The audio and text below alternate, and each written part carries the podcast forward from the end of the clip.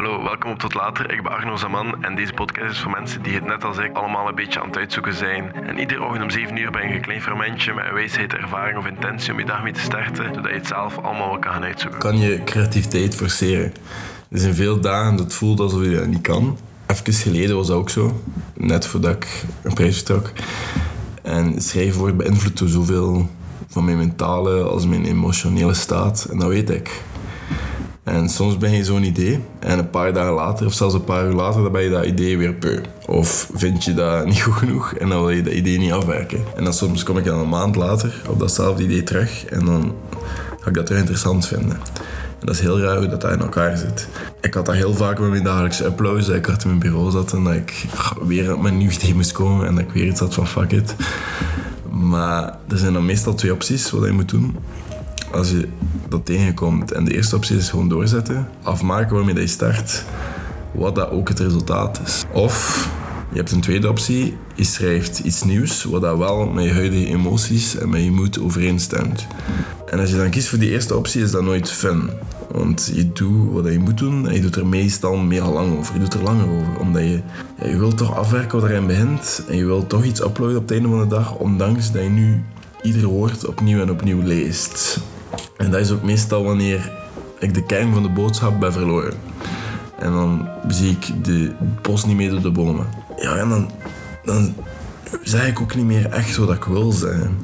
En ik snap mezelf dan soms niet meer. En dan vaak zijn dat de content dingen die minder meevallen bij de mensen die dat consumeren.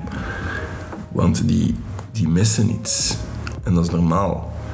Maar als ik optie 2 kies en een onderwerp kies dat mij op dat moment wel ligt. En dan voel ik me goed en dan wil ik verder schrijven. Omdat ik min of meer wel weet wat ik wil zeggen. En die woorden komen er veel gemakkelijker uit. En hier kom ik met een bedoeling. Ik kom met een intentie. En ik werk vanuit mijn emoties. En dan laat ik dat ook merken. En dat zijn de dingen dat, dat, dat ik meest leuk vind om te maken. Die worden ook meestal leuk gevonden. En de ironie zit erin dat dat, dat veel minder werk kost meestal. Je moet er wel heel langer om wachten, want je moet geïnspireerd worden door een idee en dan zeggen we, ja nice, ik ga dat maken. En dat duurt lang. Maar het maken en schrijven zelf duurt veel minder lang en ik moet niet doorzetten op iets dat ik wil afwerken. Want het gaat er vanzelf uit. Maar geïnspireerde verhalen, dat klinkt ook gewoon veel beter en dat is gewoon gemakkelijker om naar te luisteren. En die vraag had ik twee weken alleen aan mezelf, want ik was het even. Als content creëren hard lijkt, betekent dat dat ik dan op het verkeerde pad ben. En veel creatieve mensen zijn dan dat je consistent dingen moet maken, dat dat heel belangrijk is. En het probleem is, wanneer je alle dingen, alle dagen creatief moet zijn, dat je dan vastzit met dagen wanneer dat je minder creatief bent. En schrijvers doen nou ook. Hoeveel boeken dat ik nu al niet gelezen heb over habits, waarin het auteur van het boek begint te praten over zijn habit om te schrijven alle dagen. Ze stoeven daar graag mee, ik snap dat. Want ze hebben dan dat boek uitgewerkt, hij het bewijs in handen. Maar wat doen die schrijvers dan als ze niet geïnspireerd zijn of niet in de mood zijn of niet mee zijn met wat ze moeten schrijven op die dag? Als ik een boek zou schrijven, dan zie ik mezelf heel snel vervelen met mijn eigen karakters. Of als ik een non-fictieboek zou schrijven over éénzelfde topic, dan zie ik mezelf ook heel snel naar variaties snakken. Ik kan mezelf heel snel vervelen als ik constant over hetzelfde moet schrijven. Of constant in dezelfde niche moet zitten. En dat had ik een beetje met de content dat ik maakte. En twee weken alleen had ik daar wat moeite mee. Maar nu probeer ik meer mijn gevoel te volgen en niet meer zozeer te focussen op wat ik al gedaan heb. Ik vind mijn eigen stem zoeken en die gebruiken veel belangrijker. Geen dingen blijven creëren ondanks dat ik ongeïnspireerd was en we blijven dingen doen. Ik voelde me een beetje in die self-help wereld getrokken, terwijl dat mijn doel totaal niet was om een guru te worden of whatever. De hele reden dat ik begon met content te maken is meer voor mensen die het net als ik allemaal wel aan het uitzoeken zijn. En ik kan misschien een beetje structuur geven, maar ik wil vooral, maar ik wil vooral laten... Ja, ik kan gewoon een beetje structureren, maar ik wil eigenlijk vooral laten zien dat sommige dingen normaal zijn. En dat dat dingen zijn waar ik niet alleen in struggle, of waar dat jij niet alleen in struggelt. En dat soms ook...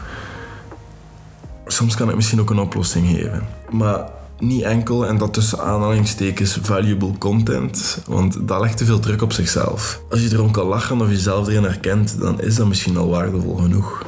Om te weten dat je niet alleen bent. Om te weten dat je er niet alleen voor staat.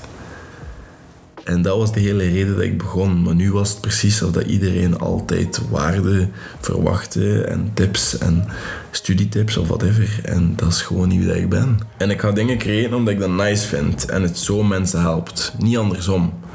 Want dat verwacht mijn creativiteit. Dus hier is de vraag waarmee dat ik jullie achterlaat vandaag. Of een paar vragen.